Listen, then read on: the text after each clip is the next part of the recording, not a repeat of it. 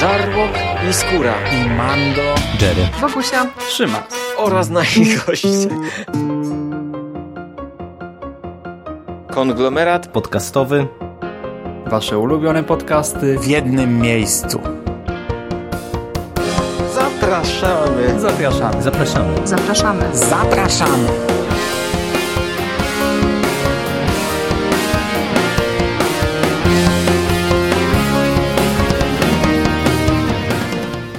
Witamy w konglomeracie podcastowym, czyli na platformie, która zbiera wszystkie Wasze ulubione podcasty w jednym miejscu. Ja nazywam się Hubert Spandowski, a dzisiaj ze mną jest Bogusia. Witam Ciebie, Bogusia. No, witam Ciebie i witam wszystkich słuchaczy. I dzisiaj kończymy nasz cykl mm, podcastów o książkach e, Weroniki Roth wchodzących w skład trylogii Niezgodna. Dzisiaj bierzemy na warsztat trzeci tom trylogii pod tytułem Wierna. Dwa pierwsze tomy omówiliśmy już e, jakiś czas temu, e, trochę czasu już minęło. Były to tomy Niezgodna oraz Zbuntowana. Poprzednio też chyba zapomniałem. No, przy poprzednich nagraniach, z tego co pamiętam, to myliłeś nazwę jednej z frakcji. Ciekawe, czy tym razem też, też tak będzie, czy, czy zapamiętałeś. Wziąłem sobie książkę, wiesz, przed chwilą pobiegłem, bo nie mogłem znaleźć na Wikipedii, wziąłem sobie książkę, y, bo, bo mam y, tę papierową wersję i z tyłu mam w opisie wypisane, także nie, nie będę się mylił.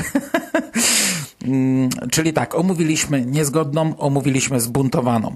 Raczej nie zachwycaliśmy się tymi powieściami. Raczej były to opinie negatywne.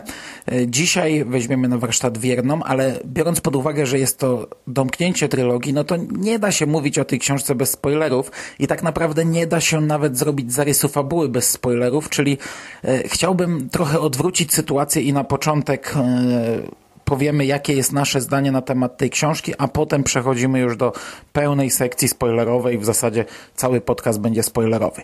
Ok, czyli w skrócie. Jesteś zadowolona, czy zawiodłaś się?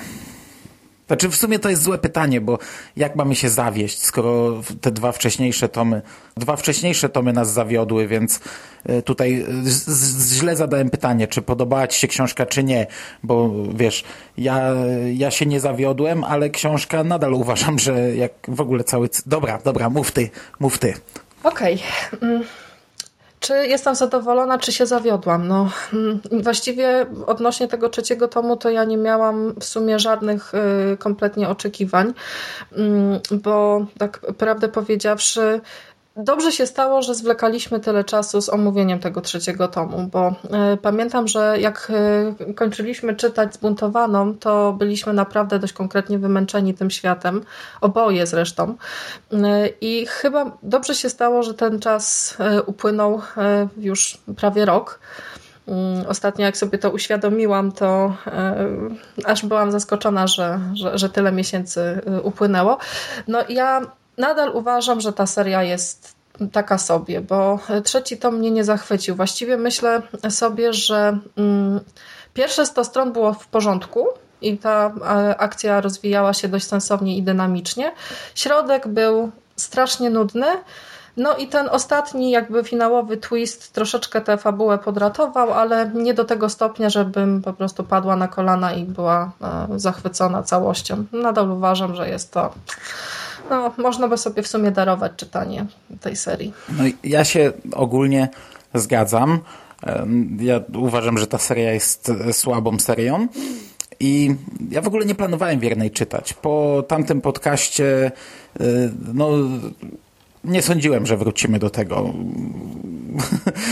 raczej, raczej zakładałem już, że to już jest, już jest zakończona, zakończona przygoda. E, szczególnie, że wiesz, ja mało pamiętałem z tych wcześniejszych tomów, a tak naprawdę jak nagrywaliśmy zbuntowaną, to ja już miałem braki w pamięci. Teraz w sumie z Wierną, no też już minęło trochę czasu od przeczytania, bo ja czytałem tę książkę w styczniu i to gdzieś tam na początku stycznia, także to już dwa miesiące minęły, ale w miarę pamiętam, co mi się podobało, a co nie podobało i ogólnie ja też uważam, że ta seria jest kiepska. Wierna mm, no nie będę tak narzekał na pewno jak przy wcześniejszych e, książkach. Ogólnie akceptowałem to, że wyjaśnia mi niektóre rzeczy i, i, i tak jak wcześniej zadawałem różne pytania, w ogóle kompletnie nie, kleił mi się, nie kleiła mi się ta wizja świata, to tutaj jakoś to poukładała. To wielokrotnie nadal nie ma sensu, ale gdzieś tam powiedzmy poodpowiadała na moje pytania, a do tego przez tę książkę jakoś tak bezboleśnie przebrnąłem. Nie, nie wkurzała mnie tak jak wcześniejsze, a nawet gdzieś tam pod koniec jakieś tam emocje wywołała, drobne, delikatne, nawet, nawet mi się podobało, jak to się skończyło. E... Oto ja się wkurzałam. Ja się strasznie wkurzałam, tak. ale to wszystko wynika z konstrukcji fabuły i z tego prostego zabiegu, który ona zastosowała, ale to dojdziemy do tego. Natomiast ja e, na początku chciałabym przeczytać e, wstęp do książki, który wydał mi się bardzo zabawny, bo nie wiem, czy w audiobooku też, bo to, to nadal audio, prawda? Mhm, w audiobooku. W audiobooku nie przypominam sobie, czy był jakiś wstęp. Tak, no to w wersji papierowej jest i brzmi on następująco. Na każde pytanie, na które można odpowiedzieć, trzeba odpowiedzieć lub przynajmniej poddać je analizie. Rozumowanie niezgodne z log zasadami logiki trzeba zakwestionować. Odpowiedzi nieprawidłowe trzeba skorygować, a prawidłowe potwierdzić. To jest fragment manifestu erudycji. I to to było, było, to było. Chyba, no. W odniesieniu do całej tej książki y, właśnie ten wstęp wydaje mi się strasznie śmieszny, bo y, o ile, tak jak słusznie zauważyłeś, Weronika Roth w tej y, powieści próbuje niektóre rzeczy nam poukładać w miarę logicznie, no to wychodzi jej to nieudolnie. Nadal mam wrażenie, że autorka ma te same problemy, co w przypadku poprzednich tomów, czyli za bardzo rozwadnia akcję w tej środkowej części książki i potem w finale znowu, znowu galopuje. I mm, tak sobie myślę, że chyba to już jest definitywnie moje pożegnanie z tą autorką. Już raczej więcej jej książek czytać nie będę. Jeszcze cztery nam zostało. No, no to, to jeszcze. A w ogóle to cztery nie rokuje dobrze, prawdę mówiąc, bo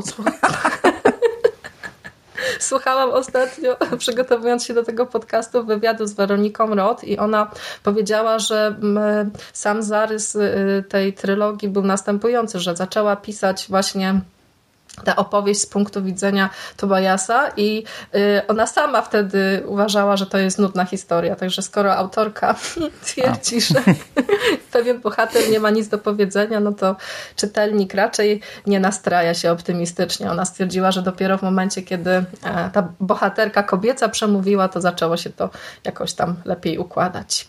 Mhm. Niekoniecznie. A ja już nawet pomijając to, czy wiesz, czy te odpowiedzi, które uzyskujemy w tym tomie są sensowne, czy nie, czy są fajnie napisane, czy nie fajne, nie, to mm, nadal uważam to, co podkreślałem w poprzednich tomach, e, że to jest bez sensu, jeśli buduje się przez dwa tomy świat, który w trzecim się po prostu wywraca. E, świat, który był bez sensu. Świat, którego podstawy były bez sensu, zachowanie bohaterów było bez sensu i dopiero w trzecim tomie nam gdzieś tam uzasadniają, próbuję wyjaśniać, dlaczego oni się tak zachowywali, dlaczego ten świat był taki. I okej, okay, no ja, ja, ja kupuję powiedzmy to rozwiązanie, ale nadal uważam, że to jest bez sensu, bo budowanie świata, przedstawianie bohaterów bohaterów, przedstawienie zasad rządzących światem zrobione w taki sposób, no to ja nie wiem, no, jak utrzymać czytelnika. No wiem, nas utrzymała, ale to przypadek i wielu, wielu innych utrzymała, ale dla mnie to jest, to jest absurdalne coś takiego. W ogóle patrząc na to jako serię, jako trylogię, jest to absurdalne. No tak. Ja, ja tutaj nic więcej nie dodam. mogę, się to, okay. mogę się tylko zgodzić. Zresztą ona tutaj w tej trzeciej powieści, która miała być właśnie takim, nazwijmy to tak po recenzencku, epickim zwieńczeniem trylogii, no to tutaj popłynęła i kilka postaci y, udało jej się zepsuć, w tym jedną z głównych, ale to zaraz z, zaraz o tym porozmawiamy. No, no myślę, że teraz już tak e, przejdźmy już, żeby tam nie krążyć, tylko właśnie, właśnie. jakoś tam rozebrać tę powieść na, na składniki. E, Okej, okay, zacznijmy od takiego szybkiego, ale to naprawdę szybkiego przypomnienia, e, o co chodzi w cyklu. W razie gdybym czegoś zapomniał, to, to mi przypominaj, bo nie robiłem sobie żadnych notatek, mówię z głowy. O rany, ja mam, ja mam nawet trzeci to. Ja mam nawet... O to może ty mów. Nie, nie, nie, nie, tobie to wychodzi bardzo dobrze. No dobra, mamy y, Chicago y, w przyszłości. Cała akcja rozgrywa się w jednym mieście. Bohaterowie żyją w Chicago otoczonym murem. Nie wiedzą, co znajduje się poza tym murem, nawet nie wiedzą, czy cokolwiek się znajduje. Oni urodzili się w tym świecie i żyją w tym świecie. To jest dla nich cały świat. Żyją w społeczeństwie, które podzielone jest na pięć frakcji altruizm, nieustraszoność, erudycję, prawość i serdeczność. I każdy mieszkaniec Chicago musi wybrać jedną z tych frakcji, e, gdy dorasta, gdy, gdy, gdy dochodzi do tego tam etapu w swoim tak, życiu, 16 który lat. musi określić mhm. się. 16 lat. Wcześniej wychowywany jest w jednej frakcji, w tej, w której są jego rodzice, natomiast w wieku 16 lat może zdecydować, że zostaje w tej frakcji albo podjąć decyzję, że zmienia frakcję.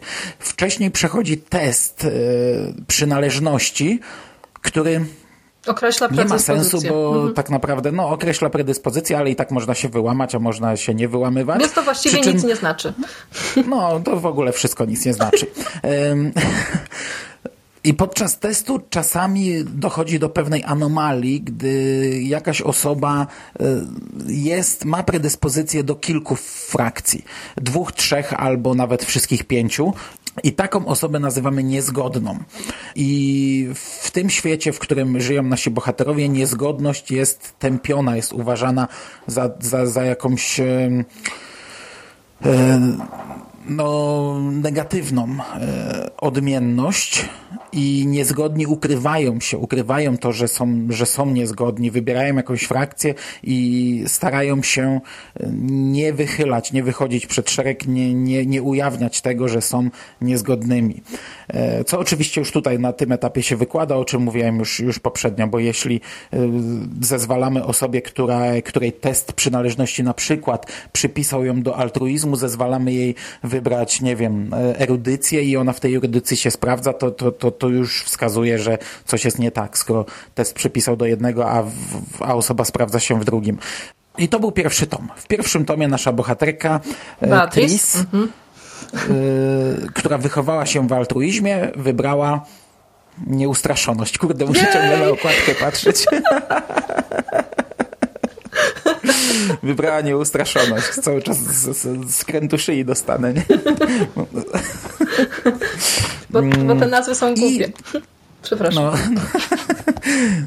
I pierwszy tom pokazuje nam e, jej szkolenie. To jest taki typowy pierwszy tom, gdzie osoba trafia do jakieś tam, w jakieś w ogóle nowe środowisko, musi się w nim odnaleźć, musi znaleźć przyjaciół, znajduje też wrogów.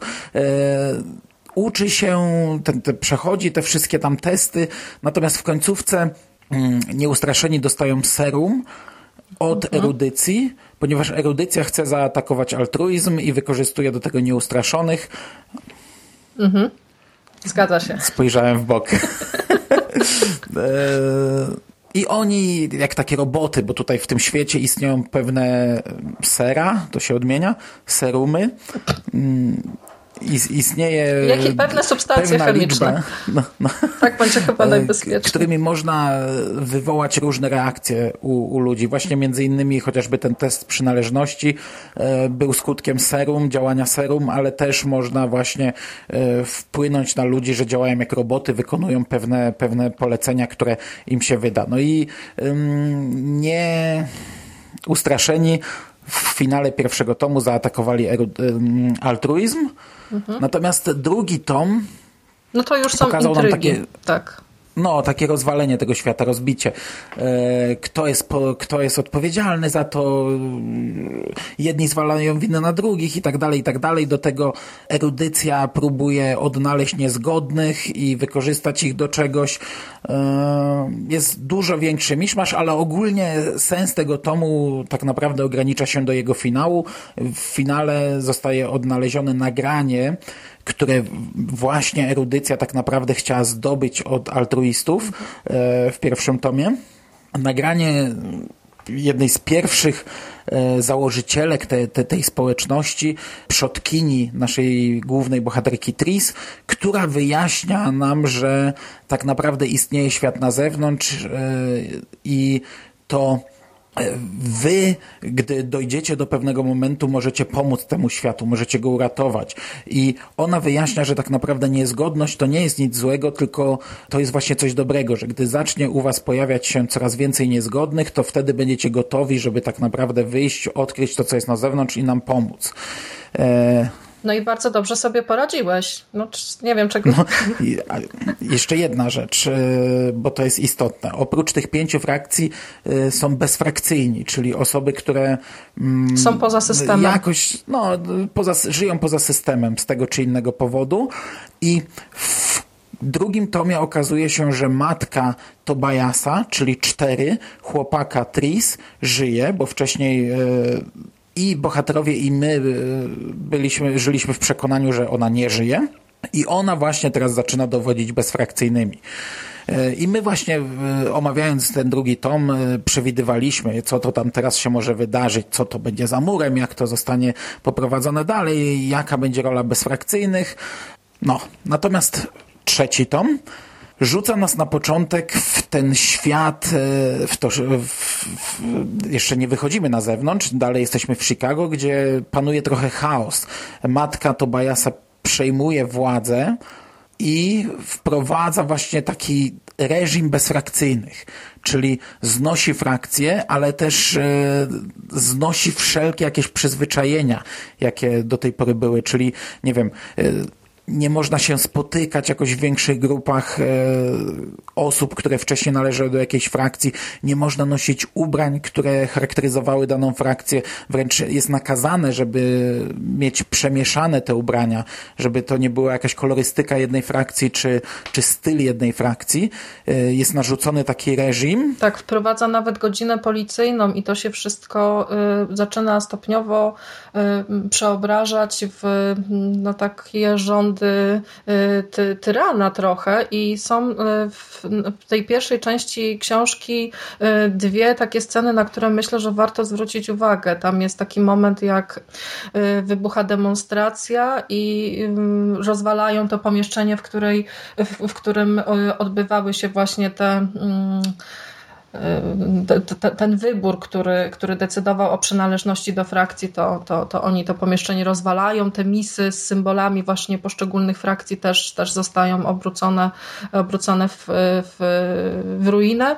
I jest jeszcze druga scena, którą widzimy mm, razem z Tris y, i to jest dość mocna scena, y, bo prezentuje to, jak grupa bezfrakcyjnych znęca się nad, y, nad dzieciakiem, który jest ubrany bodajże jak erudyta, nie? Czyli jeszcze zakorzeniony w tym systemie, nie potrafi się przystosować do nowego, e, do nowej sytuacji i jest po prostu e, katowany przez, przez starszych kolegów. To są takie dwie, takie dwa momenty, które jak dla nie trafiłam podczas lektury, to tak sobie pomyślałam, że o, rokuje dobrze. Chociaż czy ma to sens? No. Czy jest to jakaś przy, ciągłość przyczynowo-skutkowa? No. Tutaj można by się spierać, bo ja, ja, już właśnie może to, to, że powiedziałeś o tym, że trzeci tom y, niezgodnej jest taki w sumie. Mm, do strawienia, to może wynika z faktu, że jesteśmy już przyzwyczajeni do tego, jak Weronika Roth tworzy ten świat i że tutaj logiki naprawdę nie należy się spodziewać. I y, czytając tę powieść z takim nastawieniem, no to faktycznie no, coś się dzieje, i, a mhm. czy to jest logicznie wytłumaczone, a nie istotne. No bo ten cały początek to jeszcze nie wychodzimy poza te mury. Wszystko rozgrywa się w, w granicach Chicago i oprócz teraz e, tego nowego ugrupowania bezfrakcyjnych, które narzuca e, wszystkim mieszkańcom bezfrakcyjność, e, powstaje, czy tam już istnieje tytułowe ugrupowanie, czyli wierni. Wierni to są ludzie, którzy chcą przywrócenia starego systemu. Chcą, aby w Chicago znów pojawiły się frakcje i oni działają na razie w podziemiu, no bo bezfrakcyjność jednak w tym momencie jest tym panującym systemem, nie wiem, nie wiem, no, tym, tym czymś, co panuje w Chicago. Jak to jest możliwe, że Tris się nie skapowała, że to jedna z jej najbliższych osób e, bierze w tym udział, to ja, to, to ja bym chciała wiedzieć. Musiała żyć rzeczywiście w jakimś takim ogromnym oderwaniu od, e, od otoczenia. Zresztą e, na początku książki mamy wiele takich scen, kiedy nasi bohaterowie się przytulają i całują i w ogóle miłość, miłość kwitnie. Oj, tam na samym początku to jest jeden taki rozdział, jak słuchałem to w audiobooku, to aż mnie uszy piekły. Tutaj jest kilka znaczy takich taki, momentów, wiesz, no. ja się zastanawiałam, czy oni przypadkiem y, tego nie zrobili. Tam nawet Kristina y, w pewnym momencie y, książki nabija się, czy już wzięli się za mnożenie.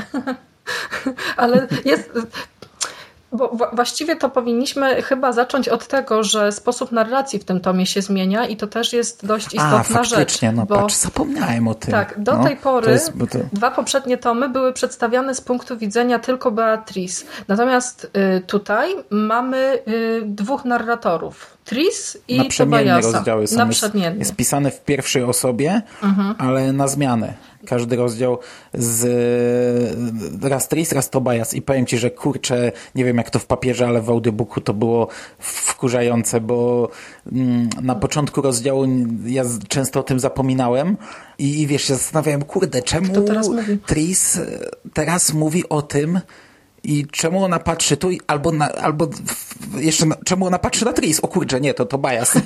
I, i, i, i chwilę mi zajmowało, za każdym, prawie, prawie przy każdym rozdziale się gubiłem przy tym. Ja w ogóle powiem ci, że ja rozumiem, że ta zmiana jest fabularnie uzasadniona, bo y, ci bohaterowie w paru momentach y, rozdzielają się i y, właściwie przedstawianie mm, tej sytuacji tylko w, w postaci innego bohatera, który by nam o tym opowiadał, no to byłoby kiepskie, więc ja rozumiem ten zabieg, e, ale uważam, że mm, to jest coś, co rzeczywiście zaciemnia odbiór całej książki, to po pierwsze, a po drugie ja też nie widzę językowego zróżnicowania tych bohaterów. E, dla mnie, e, kiedy mm, Tobias się wypowiada, to ja nie czuję, że mówi to mężczyzna. Ma, no mam nawet dwa mm. takie świetne cytaty. No. Muszę to przeczytać, przepraszam bardzo, bo to jest coś, co mnie strasznie też, też ubawiło, bo w, to, to, Tobias jest przez dwa wcześniejsze tomy prezentowany jako taki bohater właśnie twardy, niezłomny. Myśmy go nawet chwalili jako jedną z takich y, postaci dobrze rokujących, które mm, są jakby y, jak najbardziej stałe w tym świecie. A tutaj, kiedy mamy możliwość y, wglądu do jego myśli, no to czytamy na przykład taką głupotkę. Pragnę poczuć dokładnie wszystkie miejsca styku naszych warg i wszystkie puste przestrzenie między nimi rozkoszuje się wspólnie wydychanym powietrzem. No cholera, jaki facet tak myśli? No, albo... Ale pamiętam to, pamiętam to, siedziałem, słuchałem tego i no, za łeb się łapałem, czego ja słucham. Tak, albo jeszcze jeden taki, no już no, nie, nie, nie będę przytaczała wszystkiego, ale to są jakby takie dwa najbardziej drastyczne przypadki. Wystawiam przez okno rękę, a wiatr owija mi się wokół palców jak pukle włosów. O ludzie! Jest pięknie, nasz Tobias jest romantycznym, delikatnym facetem, który, któremu wiatr się owija wokół palców jak pukle włosów. No, litości. Nie, to jest rzeczywiście coś, co totalnie pogrzebuje tę fabułę i przy okazji psuje też bohatera, bo e, jak w przypadku dwóch wcześniejszych tomów narzekaliśmy na to, że Tris jest taka e, rozchwiana emocjonalnie, przypominam, ona ma 16 lat, tak teraz e, Tobias jakby przejmuje te wszystkie jej negatywne cechy i też w paru momentach książki zachowuje się jak rozkapryszone, rozkapryszone dziecko albo obraża się, bo coś usłyszał i wziął to za pewnik. Takie głupie. No, no tak jest. Dobra, to teraz żebym ja nie zgubił ciągłości. Ogólnie jest oprócz tego, ciągłość? że mamy oprócz tego, że mamy te dwie frakcje, to jeszcze um, cały czas są tam e, starcia na linii matka Tobajasa i jego ojciec jest proces tego ojca i, i to do końca, do końca książki tak naprawdę jest istotne, pomiędzy nimi ten konflikt. Natomiast mówię o ciągłości, bo po prostu dalej co pamiętam to to, że nagle część bohaterów postanowiła wyjechać za mur. Znaczy oni nie postanowili, oni po prostu zostali wysłani, bo e, wierni mieli jakby e, dwa e, założenia. Oni mieli obalić rządy Evelyn, czyli matki Tobiasa. I przy okazji tym drugim założeniem było właśnie to, żeby wydostać się z Chicago i wybadać grunt, co w ogóle jest tam za tym, za tym murem, żeby ewentualnie do, wykorzystać to po prostu do swoich celów i zobaczyć, czy na ile te y, wiadomości, które zostały przekazane w, w tym nagraniu mm, są prawdziwe i jak w ogóle wygląda świat y, za, za murami. Okej, okay, no i wtedy y, wyjaśnia się, to czy w ogóle przechodzimy w zupełnie inne rejony, w zupełnie nową bajkę. Wyjaśnia się, czym jest tak naprawdę to Chicago. I tu znów pomagaj, jakbym mylił. Mhm.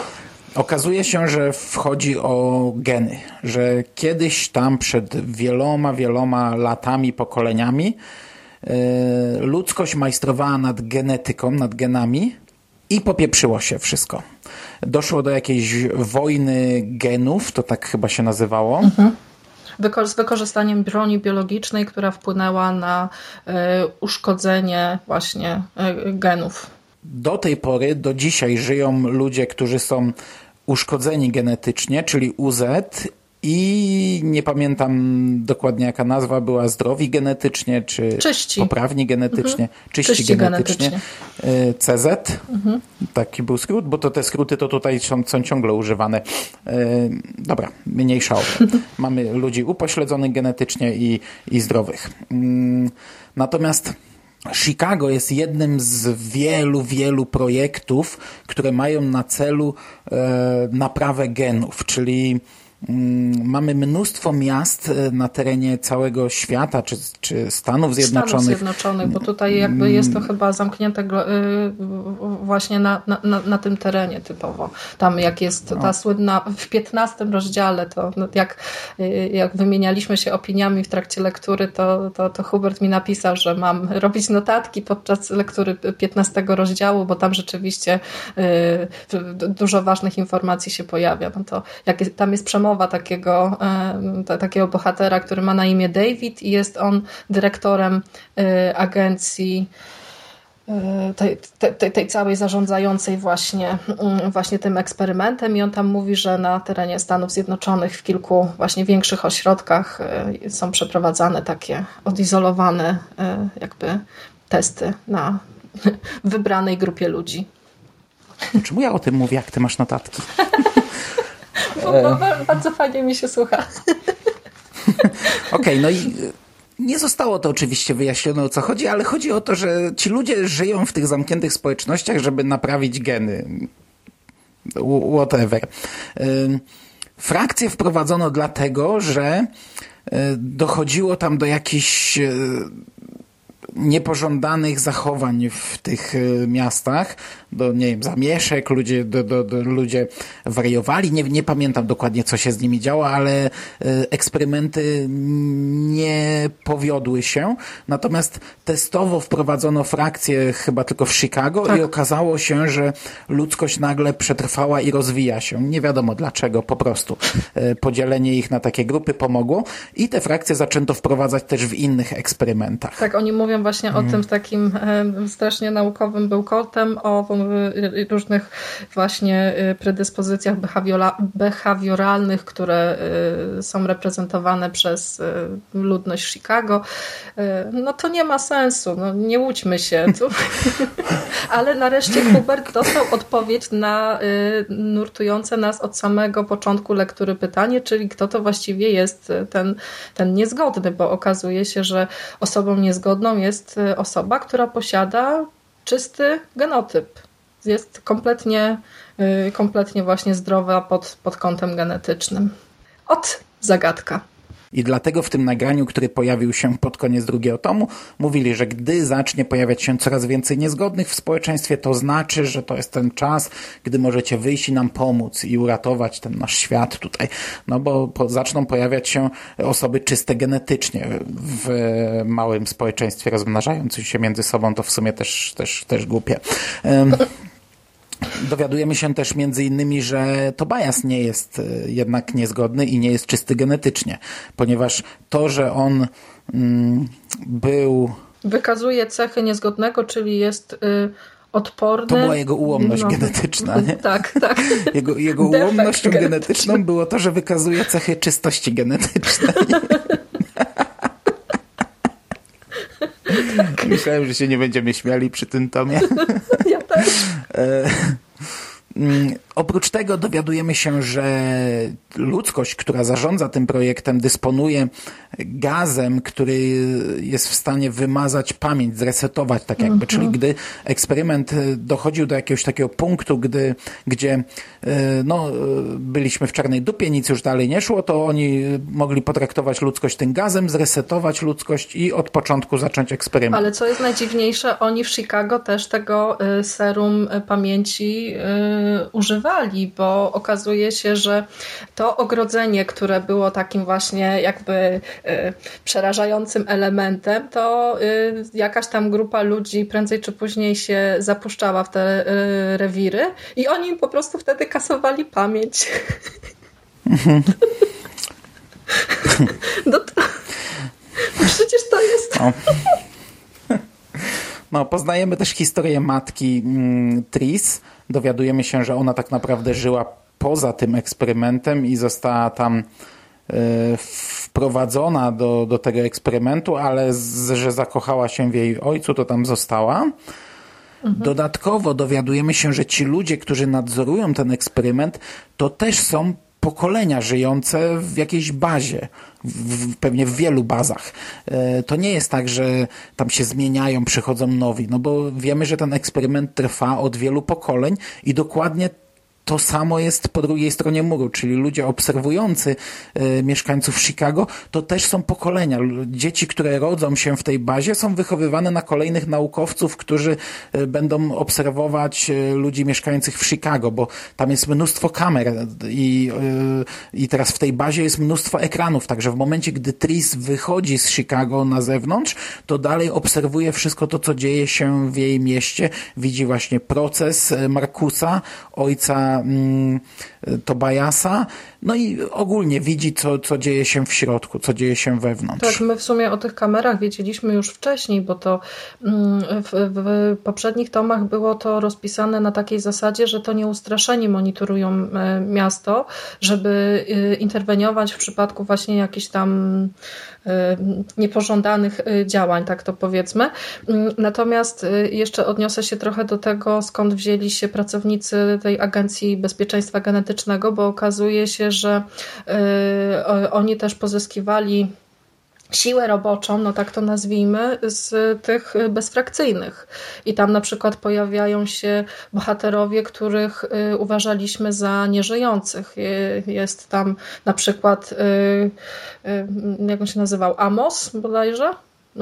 Czy, a, nie, Amar. A, faktycznie, Amar, no, no, no. Amar to, brat, brat tej dziewczyny, która zginęła podczas I, ucieczki. I tej dziewczyny, tak, tak, tak. Bo y, Amar był y, y, facetem, który wyszkolił Tobiasa, a ten bohater, o którym ty mówisz, to jest po prostu ktoś Aha. Ktoś drugi, to jest no, dwóch różnych... No, dwie, dwie, postacie, dwie faktycznie, tak, tak, tak. Mhm. Okay. E, oprócz tego oczywiście na zewnątrz tam też nie jest różowo i, i nie ma sielanki, no bo przecież po to prowadzą eksperyment, żeby naprawić swój świat i też jest bardzo duża nierówność, czyli ci ludzie, którzy są upośledzeni genetycznie e, są e, ludźmi niższego sortu, niższego, niższego szczebla. Oni nie mogą piastować jakichś tam ważnych mm, stanowisk, czy w ogóle zajmować się czymś istotnym i oni też chcą przeprowadzić jakiś bunt, tylko teraz na zewnątrz. UZ, upośledzeni, oni się nazywali upośledzeni genetycznie? Dobrze ja to pamiętam, hmm. bo ja nie wiem, czy, czy ja brzydko nie mówię, bo słowo, słowo upośledzony to chyba jest e, takie nieprzyjemne. Uszkodzeni, uszkodzeni genetycznie. No to też, też niezbyt miłe określenie. E, czyli, czyli mamy podziemie wiernych wewnątrz Chicago, a na zewnątrz mamy podziemie UZ-ów uszkodzonych genetycznie, którzy też chcą przeprowadzić jakąś akcję, chcą, chcą e, dokonać pewnego przewrotu. Tak i, i moi drodzy słuchacze, jeśli wydaje wam się, że to jest e, ten sam pomysł, tylko że inaczej przedstawiony, to tak, macie rację, Weronika Rot tutaj niczego odkrywczego nie zrobiła. E, chyba tylko to, że mm, w fajny sposób zaprezentowała nam to mm, miasto i ten świat po, po wojnie biologicznej. A tak poza tym to mam wrażenie, że nie miała w ogóle pomysłu na to, jak, jak poprowadzić tę fabułę i y, powprowadzała y, bardzo dużo bohaterów y, i sporo wątków, które niestety no, rozwijają się kiepsko. No też fajny był szok ogólnie tych ludzi, gdy opuścili Chicago i dowiedzieli się, że świat jest większy, gdy lecieli helikopterem mhm. i, i mówili, czy to jest cały świat? Nie, no to to jest ułamek, mikroskopijny ułamek, to czy po, jakiś tam, nie wiem, malutka cząsteczka tego, tego świata. Tak, nie? Chociaż z drugiej strony helikoptery latające obok Chicago to też chyba powinny zostać zauważone, nie? No wiesz, Albo ten, usłyszane w Chicago. Ten, który to widział, to miał zaaplikowane serum pamięci. Jego pamięć została tak zresetowana i nie, nie było żadnych latających maszyn. I mnie jeszcze zaskoczyło bardzo to, też to, jak mało um, uczestnicy eksperymentu wiedzą o w ogóle takim um, z, z, takiej wiedzy ogólnej, codziennego użytku, tak to, to, tak to określmy, bo um, tam jest y, taka scena, kiedy y, laboratorant o imieniu Matthew y, daje Tris książkę y, o anatomii i ona przegląda ją właśnie z takim zafascynowaniem i tam myśli sobie, że o, nareszcie uda mi się odgadnąć, kim naprawdę jestem. No to ja się pytam, to czego oni ich uczyli w tych szkołach? W mieście, bo tam przecież też był taki wątek, że oni by jakichś placówek edukacyjnych uczęszczali, no to przepraszam, ale czy, czego oni tam ich uczyli? Frakcja ponad krwią. No, okej. Okay. Przejdźmy do przewrotu, bo to też jest głupie. E, plan jest taki. Ma, po pierwsze... Co? Mówię, Co? że plan w ogóle jest... No, powiadaj. No właśnie nie wiem, czy coś nie pomieszam. Może to lepiej ty powiedz. E, Znaczy, ja próbowałam sobie to wynotować i y, to wcale, to wcale nie pomogło, bo generalnie buntownicy mm, mają w planie y, zniszczyć y, agencję bezpieczeństwa genetycznego. W międzyczasie... No tak, tylko że oni nie chcą zniszczyć całej agencji, tak. bo nie są w stanie przecież. To jest tak. już w ogóle, to, to jest już element, na którym to się wykłada, bo oni cały czas mówią, jeśli jutro wygramy, to już nikt nie będzie nawet pamiętał, że jest coś takiego jak uszkodzenie genetyczne, bo oni chcą wymazać pamięć e, ludziom z agencji. Dokładnie, tak. No tylko, że agencja obejmuje całe Stany Zjednoczone, oni, a oni chcą wymazać pamięć jednej komórce. I, i, i co najgłupsze, to im się to udaje, a, a szefostwo zatwierdza to ostatecznie, ale to do tego przejdziemy. To... W ogóle, tak, ten e, masterplan jest e, po prostu przerażający, bo oni faktycznie planują, planują reset, bo okazuje się, że mm, w tym laboratorium, w którym y, są przeprowadzane testy, to oprócz tego jest też dość duży właśnie zapas serum które z kolei ma posłużyć do wykasowania e, i zlikwidowania e, całego tego eksperymentu, bo oni decydują się interweniować w momencie, kiedy na jednym ze spotkań władze agencji podejmują decyzję o zakończeniu eksperymentu w Chicago, bo w międzyczasie Evelyn e, odnajduje magazyn z zapasami broni biologicznej i chce po prostu wszystkich, wszystkich skasować. Także to, to, to, no to jest. No brak słów. No mamy ogólnie na koniec wyścig, kto kogo skasuje. Czy Evelyn e, skasuje szybciej? Agencję, czy odwrotnie? Czy, czy odwrotnie? No i jeszcze w to wszystko wplątuje się oczywiście Tris i Tobias, ich drogi się rozdzielają. Y, Tobias decyduje się mm, pojechać do, do miasta i tam powstrzymać y, wybuch rewolucji. Z kolei, z kolei Tris ma przeprowadzić właśnie tę y, bardzo ważną misję polegającą na uaktywnieniu serum pamięci i wykasowaniu umysłów pracowników agencji, co jej się udaje, ale uwaga, przypłaca to życiem. To jest właśnie ten e, końcowy, największy twist. E, główna bohaterka ginie w dość dramatycznych okolicznościach. Znaczy, ja akurat wiedziałem, że ona zginie, bo kiedyś mi uczennica zdradziła, że w filmie ponoć nie ginie. E, filmu nie oglądaliśmy, ale nie, podobno nie kończy, kończy się inaczej. W sumie ci zepsułem teraz film. Nie, spokojnie. Ja się zastanawiam, czy w ogóle to oglądać, wiesz, tak chciałam przed nagraniem, no. ale stwierdziłam, że... Mm, no właśnie, zawsze nawiązywaliśmy do filmu, tym razem nie, nie nawiążemy, bo ja też stwierdziłem, że nie, bo pamiętam jak przy drugim tomie mi film namieszał, obejrzałem sobie, żeby sobie przypomnieć o czym była książka, tak. a się okazało, że tam kurde Jeszcze połowa gorzej. co innego. No. jeszcze większy chaos w głowie, więc teraz już nie oglądałem.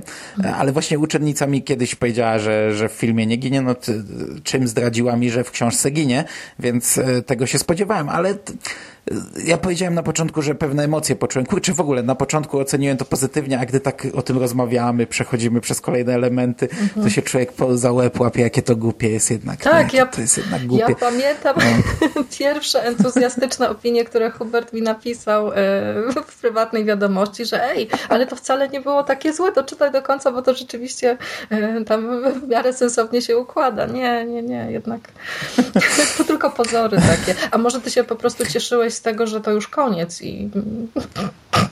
Może też, może też. No i, do tego wiesz, ja to oglądałem przy nudnej pracy, sortowałem wieczka 8 godzin, więc słuchałem, nie oglądałem, więc, więc sobie to mi umilało tak naprawdę e, życie w tym momencie.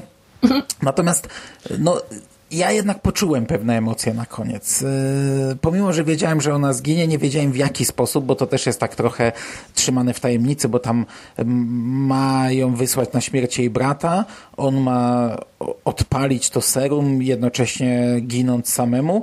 Ona przejmuje jego rolę, przy czym yy, możliwe, że ona to przeżyje, ponieważ jako niezgodna, możliwe, że nie zostanie uśmiercona w ten sposób, ginie w zupełnie inny sposób, ginie od kuli i to, co dalej czytamy, mi się to podobało w miarę. To znaczy, pewnie teraz jak zaczniemy to rozkładać i zaczniemy o tym opowiadać, to, to, to znów zmieni zdanie, ale mi się to podobało, jak nie. tam Tobias chciał wy, wymazać sobie pamięć. Nie, nie, nie. Tego e, ostatecznie akurat, nie wymazał. Tego akurat nie mam zamiaru krytykować, bo to, co następuje po śmierci Tris, wydaje mi się właśnie mm, jednym z mocniejszych momentów e, całej tej książki, bo tam jeszcze przecież jest epilog, co się stało z tymi postaciami po kilku latach, bo no, są tam mhm, mhm. główne zasady właśnie y, pokoju. Oni najpierw się dogadują między sobą, a potem mm, mamy szansę zobaczenia, jak, jak to wszystko wygląda w praktyce. No i dowiadujemy się, że, że Tobias został y,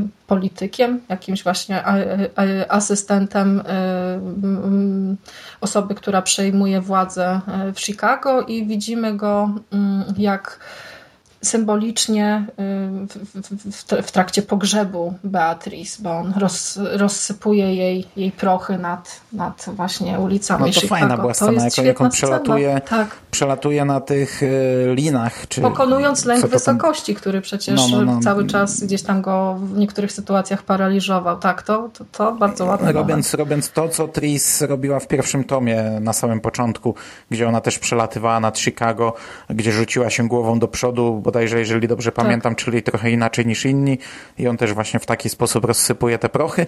To mi się bardzo podobało. E, rozejm pomiędzy i w ogóle zakończenie wątku e, Ewelin i Markusa i ten cały rozejm, e, to w, jaki, gdzie, gdzie, w jakim kierunku to teraz pójdzie, to było ok, tylko że to wszystko miało durne podłoże. No to o czym mówię, że wymazano pamięć jakiejś jednej komórce, jednej e, jed,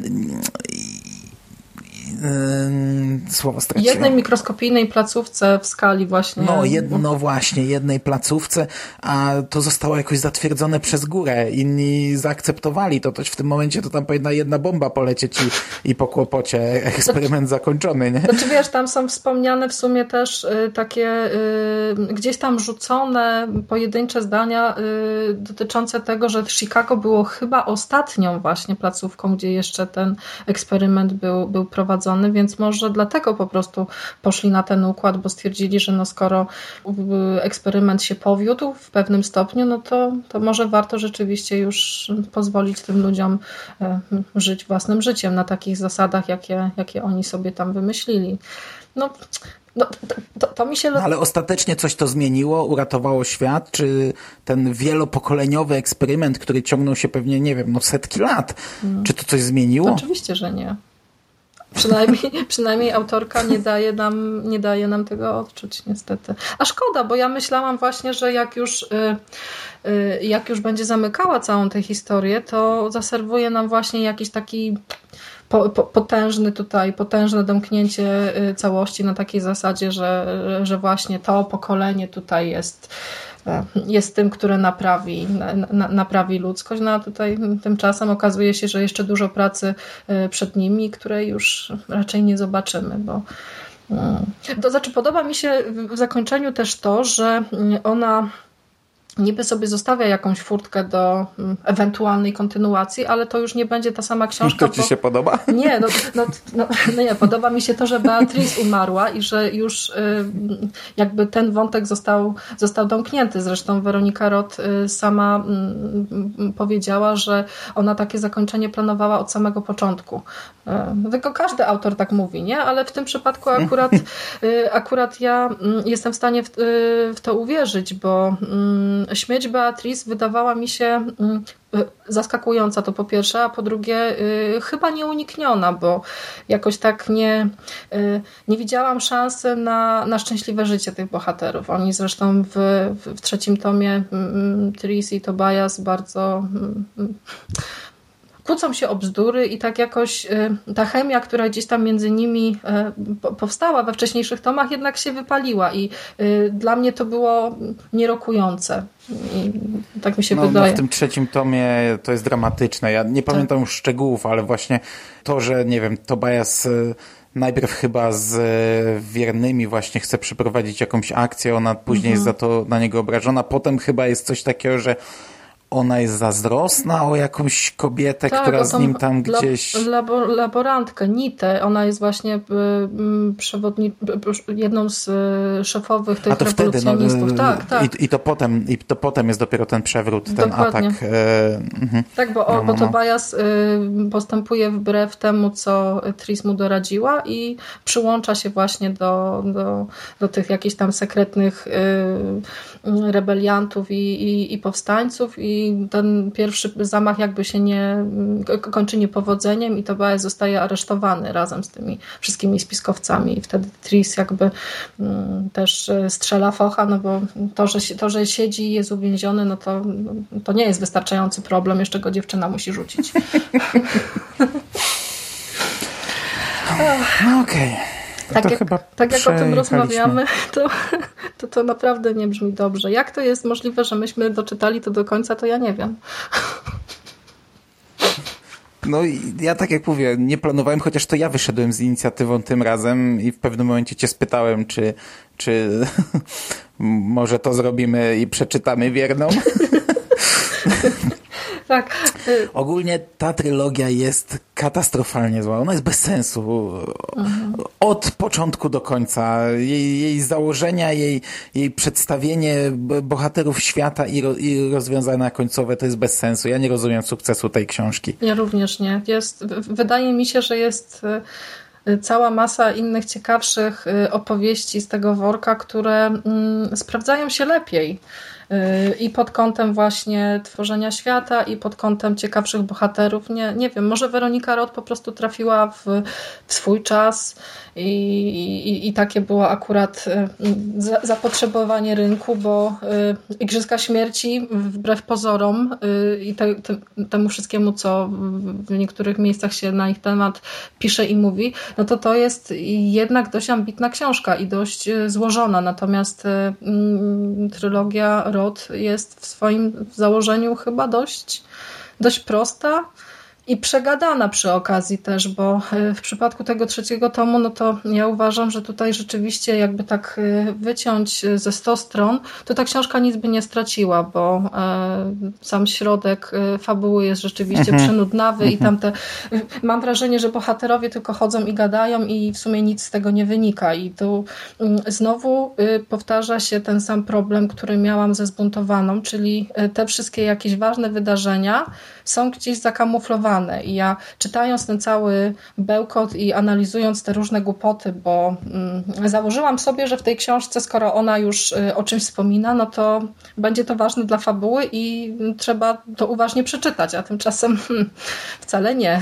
Jakieś takie właśnie sceny, które są istotne, no to y, gubią się gdzieś tam w tej całej, y, w tej całej gmatwaninie.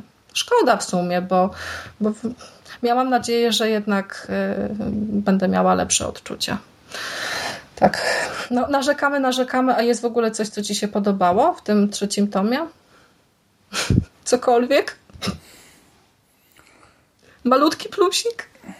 Poczekaj, bo nie, no bo powiedziałem na początku, że mi się tak. Mm, teraz mi to ciężko w słowa ubrać. No, no Oprócz pojedynczych scen.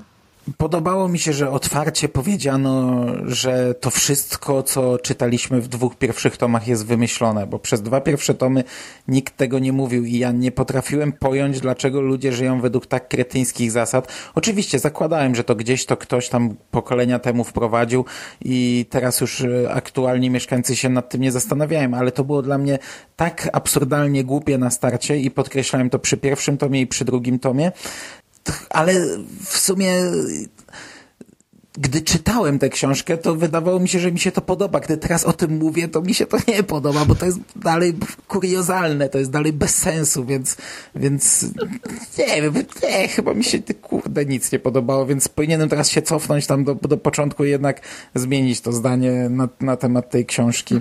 E, bo nie, bo ona jest, ona jest po prostu przeokrutnie głupia nadal. nadal. Zamyka wątki, to, to niektóre to, to okej, okay, ale zamyka je nadal w kretyński sposób. Przy czym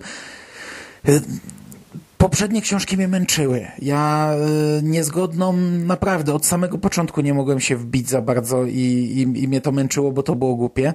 Y, zbuntowana to już w ogóle katastrofa dla mnie była, a przez wierną ja przepłynąłem bardzo szybko. Ja tę książkę przeczytałem, przesłuchałem, nie wiem, no w dwa dni może. E, fakt, że ja teraz nie mam problemu z słuchaniem audiobooków. Mam bardzo dużo czasu na słuchanie audiobooków i nawet jak jest słaby, to on sobie leci i go słucham. Ale tutaj ja bezproblemowo jakoś nie, nie, nie, nie czułem bólu słuchając tę książkę, a wcześniejsze, przy wcześniejszych czułem, ale to, to, nie, to nie zasługa książki. To chyba po prostu moje podejście trochę inne i, i więcej czasu na słuchanie. Mogłem to przesłuchać prawie na raz, a nie tak jak przy zbuntowanej, że ja tam gubiłem wątki po prostu słuchając tej książki. Nie, no, no, no gadam bez sensu e, i, i, i ciągnę bez sensu temat. Nie, no nie ma tu nic, co by mi się podobało. Zamknięcie, końcówka, te ostatnie rozdziały. No to ja chyba cię zaskoczę, bo powiem ci, że mm, jak narzekałam na to, że mm, niektórzy bohaterowie zostali spaprani, tak y, tutaj trzeba Weronice Rod oddać, że mm, bardzo ciekawie poprowadziła wątki y, dwóch postaci, właśnie brata y, Beatrice, Keleba mhm, i y, Petera. Y, to jest w sumie moim zdaniem najciekawsza postać z całej tej historii, bo on mm, do samego końca zostaje, zostaje tym złym i takim jakby y, wykluczonym. Mm, a... A faktycznie, wiesz co, zapomniałem zupełnie jak to się kończy, historia Petera, to też, no to fajne było. Tak, to było fajne, ponieważ on decyduje się sam podejmuje decyzję o tym, żeby wykasować sobie pamięć, bo e, nie chce już być takim człowiekiem, jakim, e, jakim był, co mm, pogłębia psychologię tej postaci, bo okazuje się, że te wszystkie złe rzeczy, które Peter zrobił w poprzednich tomach, no to jednak jakieś tam piętno na nim e, odcisnęły i on cały czas to rozpamiętuje i próbuje się z, z niektórymi sytuacjami pogodzić i mu to nie wychodzi. I e, u, uważam, że mm, taki koniec e, tego bohatera, jak tam jest też taka scena, jak on stoi właśnie taki już po zaaplikowaniu sobie tego serum pamięci, stoi taki zdezorientowany i to, to to, to, mną naprawdę dość konkretnie wstrząsnęło. A właściwie najlepsze w tej książce to jest to, że to już jest koniec. I nie ma już nic. Nie no, no po, poczekaj, poczekaj. Stój szalona. E, teraz e, decyzja, czy czytamy cztery, czy nie czytamy. Zapytaj mnie za rok. Dobra. Nie, no już Dobra. chyba przeczytamy, co? Tylko pewnie nie, nie prędko. Musimy ochłonąć. No, bo... no, no, no, no, nie pali się, nie pali. 2019 pogadamy. Dobrze. E, nie ma, to nawet nie ma sensu tak szybko, bo to fajnie, jak się serie podcastowe przedłużają, rozciągają, potem wracasz do tego sprzed lat, jakie to zabawne było, a tu jak inaczej w ogóle mówiliśmy, to, to nawet celowo e, odłóżmy to na później. Tak, ja muszę się jeszcze przyznać do, do czegoś, że e, naprawdę bardzo fajnie mi się słuchało tego naszego podcastu o zbuntowanej, bo e, przed nagraniem go sobie odświeżyłam i, i stwierdzam, że to jest tam Jerry we wszystkich możliwych miejscach chwali ten podcast i mówi, że, że śmiał się na, przy, na, naprawdę w głos i e, chyba rozumiem, co ma, na, co ma na myśli, bo z perspektywy czasu to, to jest naprawdę chyba moje najlepsze nagranie jak do tej pory.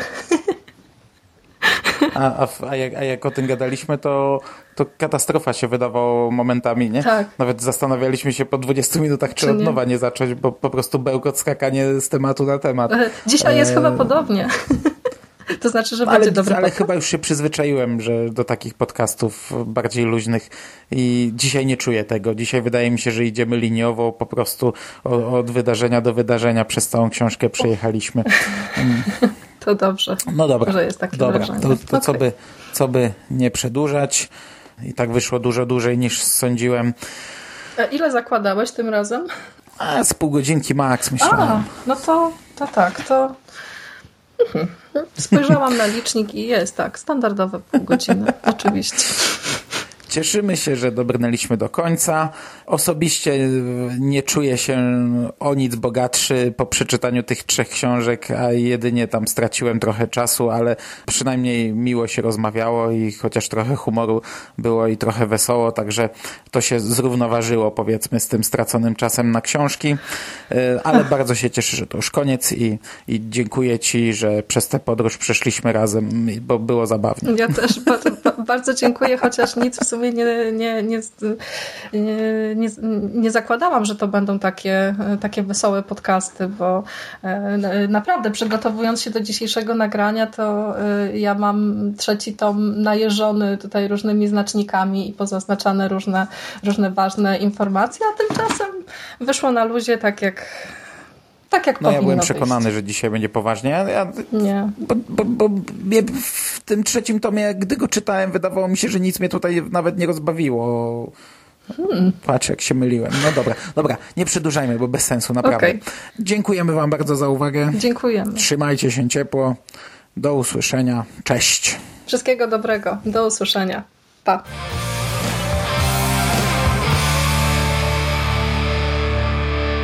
You finished? Game over, man. It's game over. What the fuck are we gonna do now? What are we gonna do? It's over. Nothing is over! Nothing! You just don't turn it off!